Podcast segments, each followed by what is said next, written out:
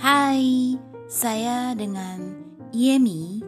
Boleh dipanggil dengan Kak Yem atau Bu Guru Yem.